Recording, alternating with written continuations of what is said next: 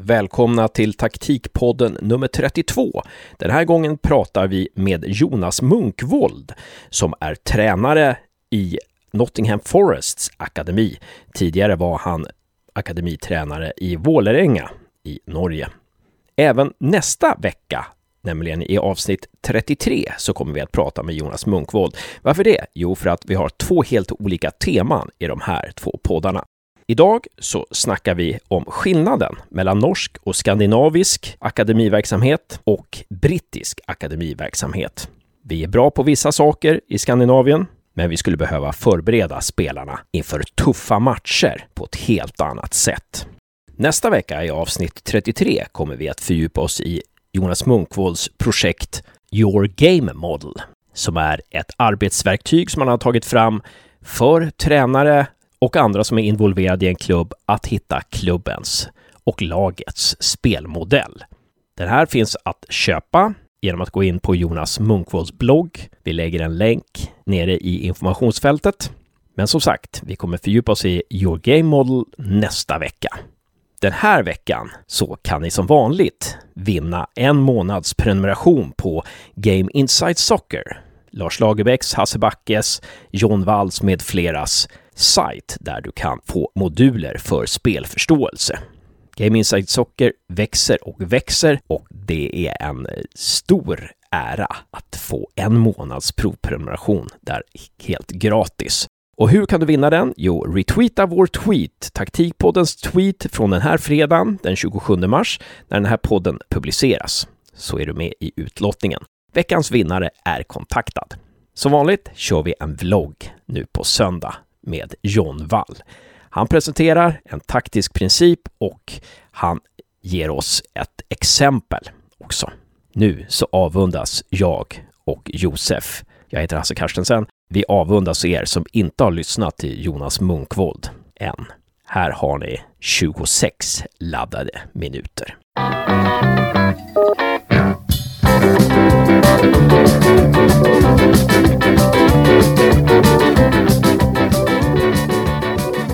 Welcome to Taktikpodden, Jonas Munkvold. Thank you.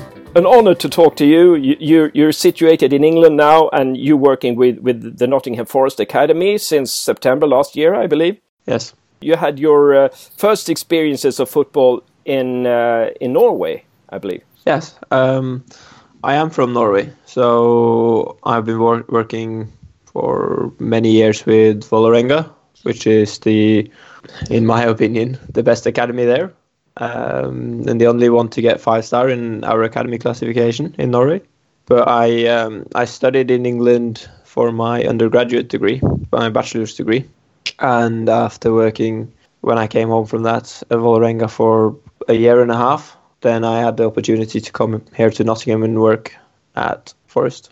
We have so many things to talk to you about, Jonas. It will be so interesting. And uh, welcome, Josef. Nice to talk to you as well. Thank you. Always a pleasure to be here. And you're in Gävle now due to the corona situation. You you you're not in Växjö and you're you're in Gävle. Are you happy about that? I usually complain about sitting in Växjö, so I'm quite happy to be at home.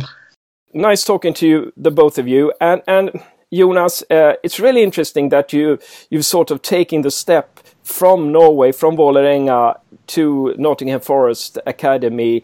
Uh, and um, do you look upon yourself as, as an English football coach nowadays?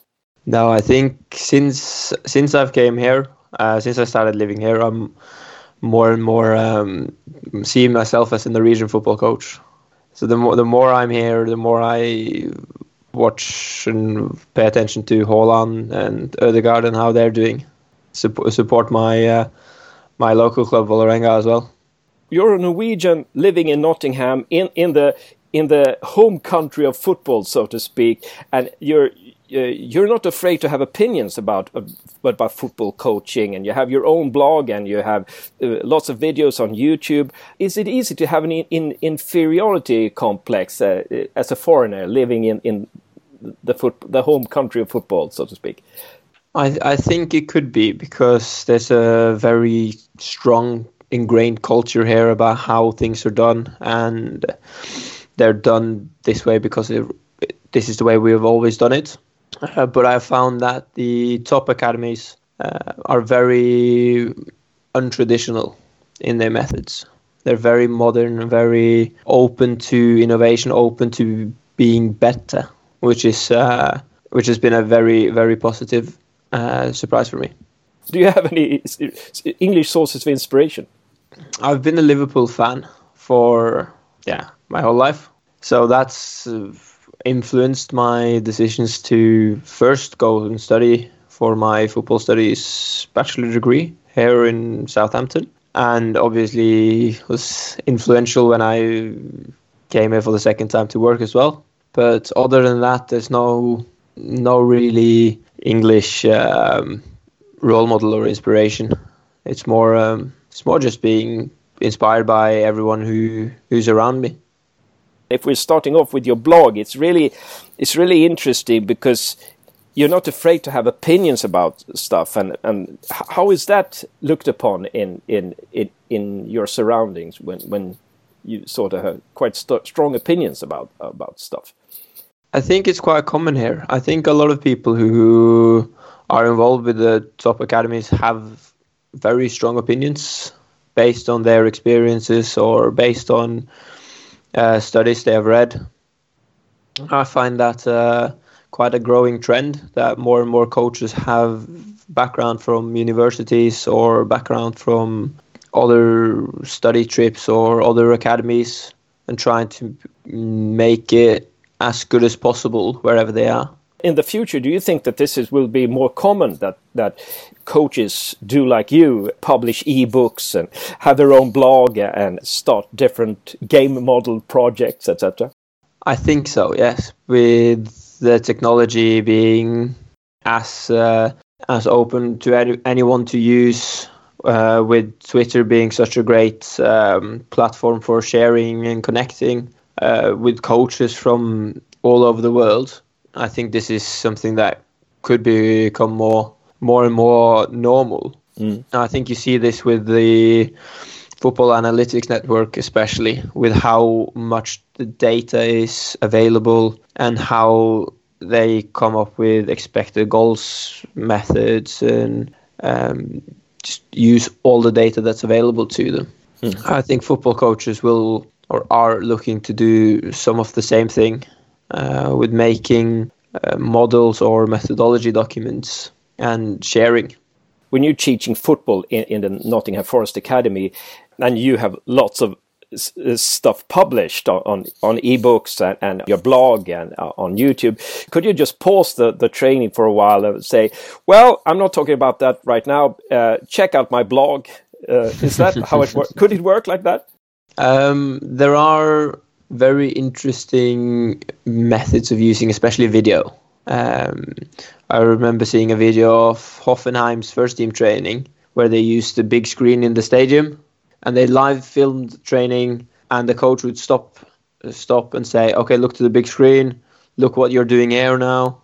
Um, and use that as a an example rather than moving people on the on the pitch um, so I think the technology will come into play like that with video especially. Here in England we're quite we use whiteboards a lot a lot more than we do in, in Norway. Uh, so in our indoor hall we have two whiteboards, one on each half, and the coach would often write the session plan on that board, so the players they can come in and they can visualize what they're going to learn today, what sort of practices it, there are, and the team learning goals, the individual learning goals, and you can draw the practices. And there's so many ways of doing it so that it can help uh, the players prepare because you you put a lot of work uh, into your videos. I, I watched one today, uh, a, a, quite newly uh, published one where you. I think Arsenal was one of the teams that you when you when you showed uh, um, broadening the the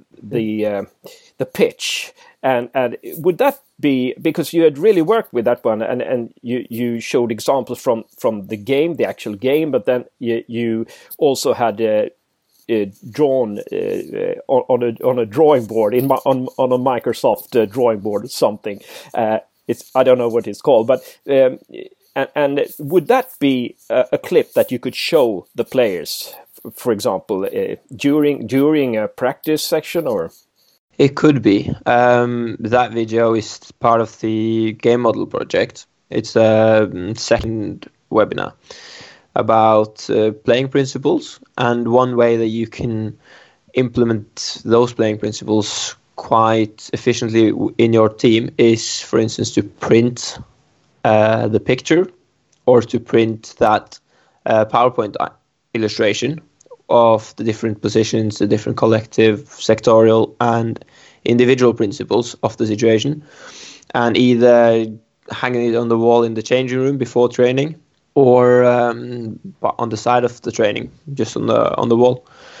We're quite fortunate here because we have some very good analysts who have 40 minutes twice a week with video sessions with all our teams from uh, 13 to 16 who I work with.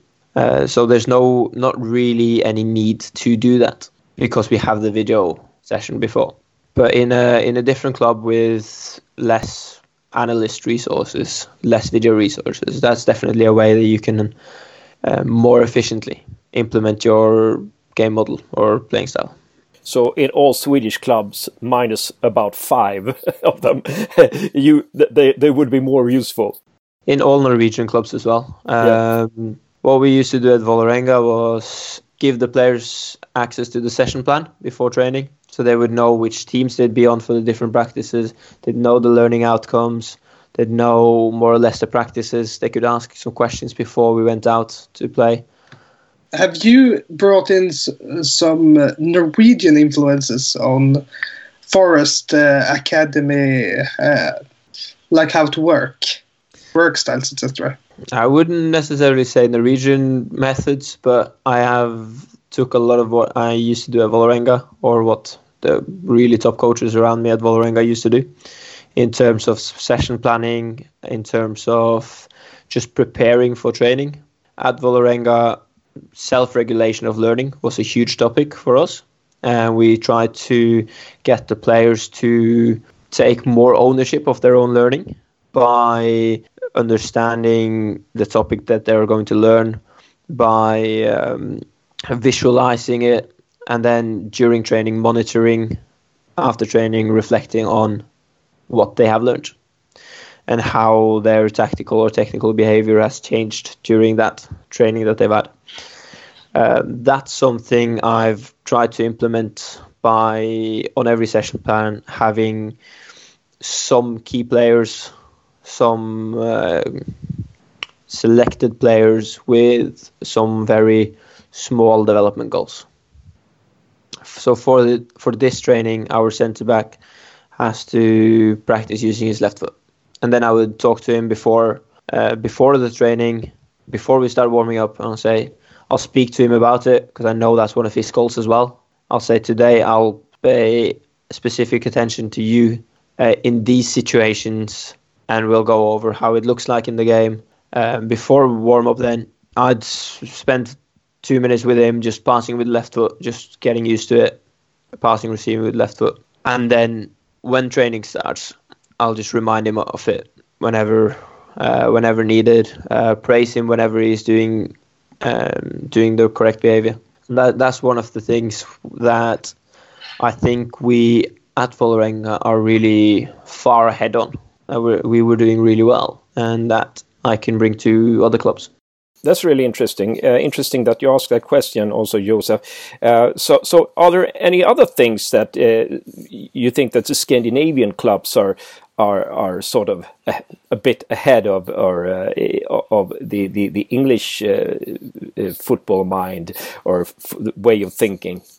I think we um, the the Norwegian paradigm of practicing football is very much centered around tactical technical learning, tactical technical development, and there's a lot of good work being done there, but in my experience, that can sometimes come at the cost of working hard and preparing for really tough games. So we can develop te- players who are quite nice to look at technically, good in small spaces, uh, quite tech- tactically smart, but when the game comes, they can fall through. So we need to find a way of combining the really good technical, tactical work that we do in Norway with developing players with the mentality and character to play at high level because football is football is very rarely nice and nice and easy. So the problem then with training nice and easy becomes evident once they play a game. That's one of the, the biggest realizations I've had here in the last few months. Okay, that, that's really interesting. I was wondering how how do you train the opposite to nice and easy? At Forest, we have a hu- huge emphasis on developing character traits and developing mentally robust players who can deal with tough games. So what we do then, we we uh, keep an eye on the time, of course, but we don't say that this repetition should only last two minutes. We push them further. So we push them until we can. Most of the time, we push them until we can see that okay, the quality has gone down quite a lot now. They're tired. They need one minute to recover. And also in practices, we tend to use quite few overloads. So we don't play six v four often. We would rather really challenge them uh, five v five, even if it looks messier and um, they're not having the success. We believe that they will learn not only the tactical, technical behavior, but they will also learn just dealing with those challenges. And the best, the best players will learn to find a way. In Norway, you, you're not pre- you don't prepare the players to, to for really tough games. And what do you mean by that? For that matter, I don't think we play that many tough games either in, in Norway. Tough games or good games are a lot of duels. There's a lot of sprints. There's a lot of um, situations where the ball is won and lost, and there's those chaos moments. A lot of football trainings where you play 4v2 or 6v4, 8v4, you have long moments of passing, long streaks of passing, um, and then you have some people defending severely underloaded so they are actually just running in circles or jogging around. And there's no way that you would like that behavior transferred to the game because then you you can't perform well. So instead, what we do, we play a lot of even numbers, a lot of 1v1s, 2v2s, 3v3, 4v4, 5v5, and the players figure it out. The best players will make sense of the chaos, whereas the other for all the other players it will look very chaotic. Yeah. It's the responsibility of the offensive players to try to find those overloads within an even number. We just have to give them enough space. Likewise, it's up to the defensive players to uh, make the pitch smaller, make play predictable, and those are part of our playing principles. So that those sort of practices can link really well to how we want to look uh, on the game day now you're touching a bit on, on, your game model, which we'll we'll be talking to you uh, more about next week. Because there you mentioned in, in that one you mentioned uh, chaos or chaotic, and that sort of screwed my mind up, and I I really want to talk to you about that one. But we'll dig more deeper into that next week. Looking at Scandinavian football and Norwegian football from from the perspective that you have, would you how would you like to change the education of coaches? In Scandinavia? That is a very good question. Um, I think the because the the most important thing about football participation in especially Norway, but I'm assuming also uh, Sweden and Denmark. The most important thing about football participation and football coaching is to retain as many players in the sport as possible for as long as possible. And that is more important than developing as good players as possible. Um, if that is the pri- prioritization, then the current coach education makes perfect sense. And as a nation, that's uh, probably a good prioritization. But as a top club, as uh, as a club who changed the prioritization and want as good players as possible, in order to develop your own players for your first team or to sell players and um, earn money, then something has to change. Then we need to we need to watch a lot more of top level football. We need to watch the best players in the world, the best teams in the world. How do how does the game look like for them? How do they behave in the game? And then we need to try to create practices which r- can recreate these emotions and these um, tactical technical behaviors. Mm. The Norwegian Center of Football Excellence have done many studies on these sort of best best uh, best practice environments around Europe, and they've been to different football clubs um, in every country almost, and they've created quite really good reports on each of the different positions and the positional requirements and the different team requirements. And I think we need to do more of that. We need to understand the requirements even more before we can before we can start developing players for it.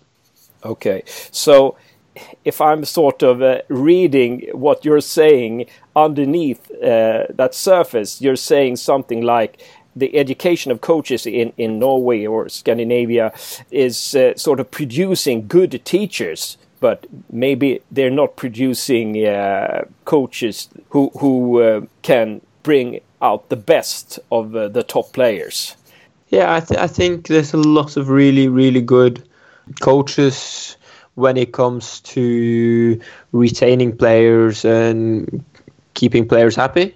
I don't think the same environment is needed to develop better players, and that may it mainly starts earlier than we're allowed to start with the uh, sort of academies in Norway, because we're not allowed to start before the players reach the age of twelve.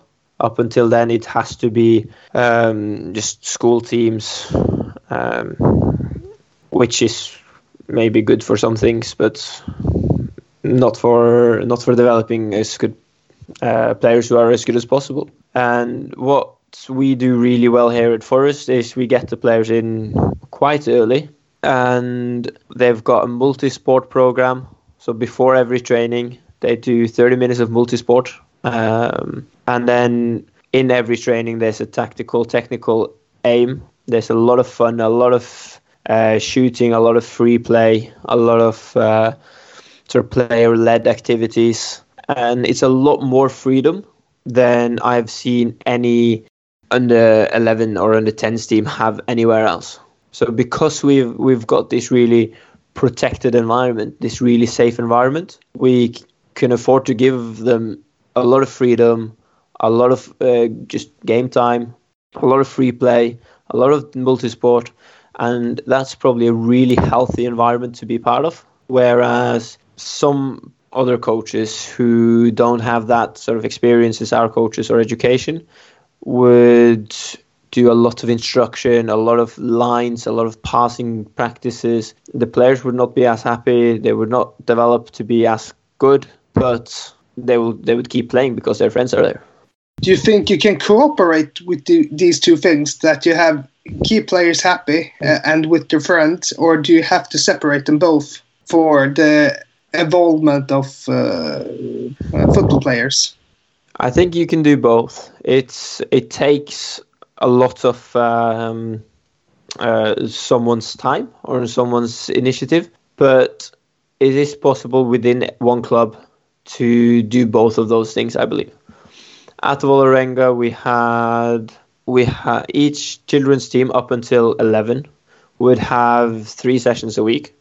One would be the team training, one would be uh, an extra training for the most eager players. In order to attend this training, you have to go to the two other practices. So not anyone could come unless they attended everything else. Uh, so that's the eager training, and then the last one would be uh, training for all the players in that age group at the same time, at the same place, all together. And that training would be led by one of the professional coaches in the club. So in the team training, they would get their school friends, they would get uh, the parent coach, they'd probably prepare for the next game within the team. And the extra training, the e- eager for the eager kids, they would professional train, professional coach, uh, less players, typically only the um, competent players, and then the training for everyone. Um, did you ha- uh, did you have any demands on the second training that they had to be a Yes. bit good or? Then no, they need to comp- uh, participate in all trainings the previous week. Uh, but technically, tactically, they could be at whatever level. Interesting. Uh, we will soon uh, finish uh, this first part of uh, the chat with with uh, you, uh, Jonas Munkvold. But um, a last question, maybe the last in this session. Do you communicate with, with the Norwegian football at all while you're in in in England, saying that well, you you know, we've been doing like this this week. Maybe you should try it, or doesn't it work that way? I still have a lot of uh, really good friends, really good uh, former colleagues back in Norway, so I talk to them a lot. And the Norwegian Coaches Union invited me to write a, an article for them about how, uh, just an overview of how we work here. So I did that a few a few months ago, which was um, quite well received, I think.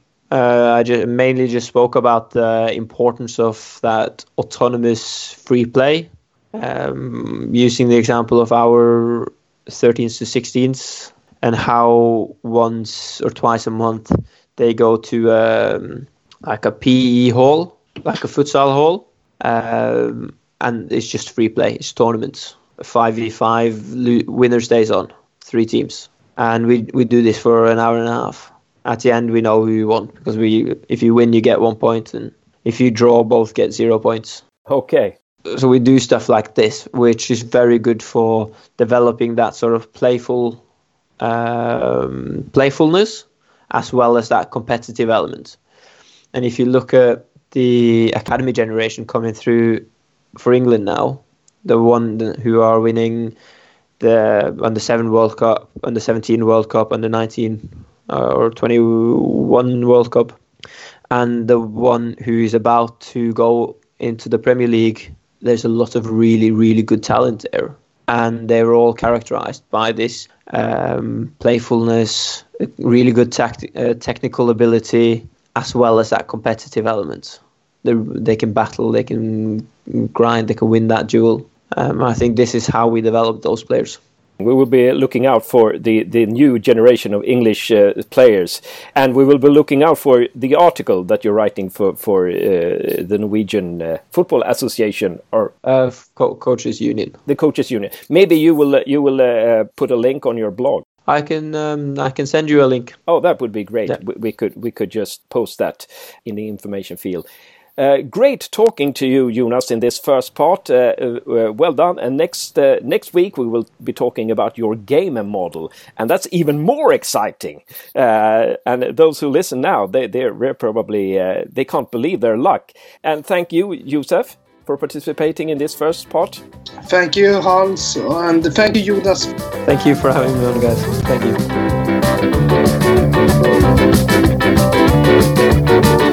you. Thank you.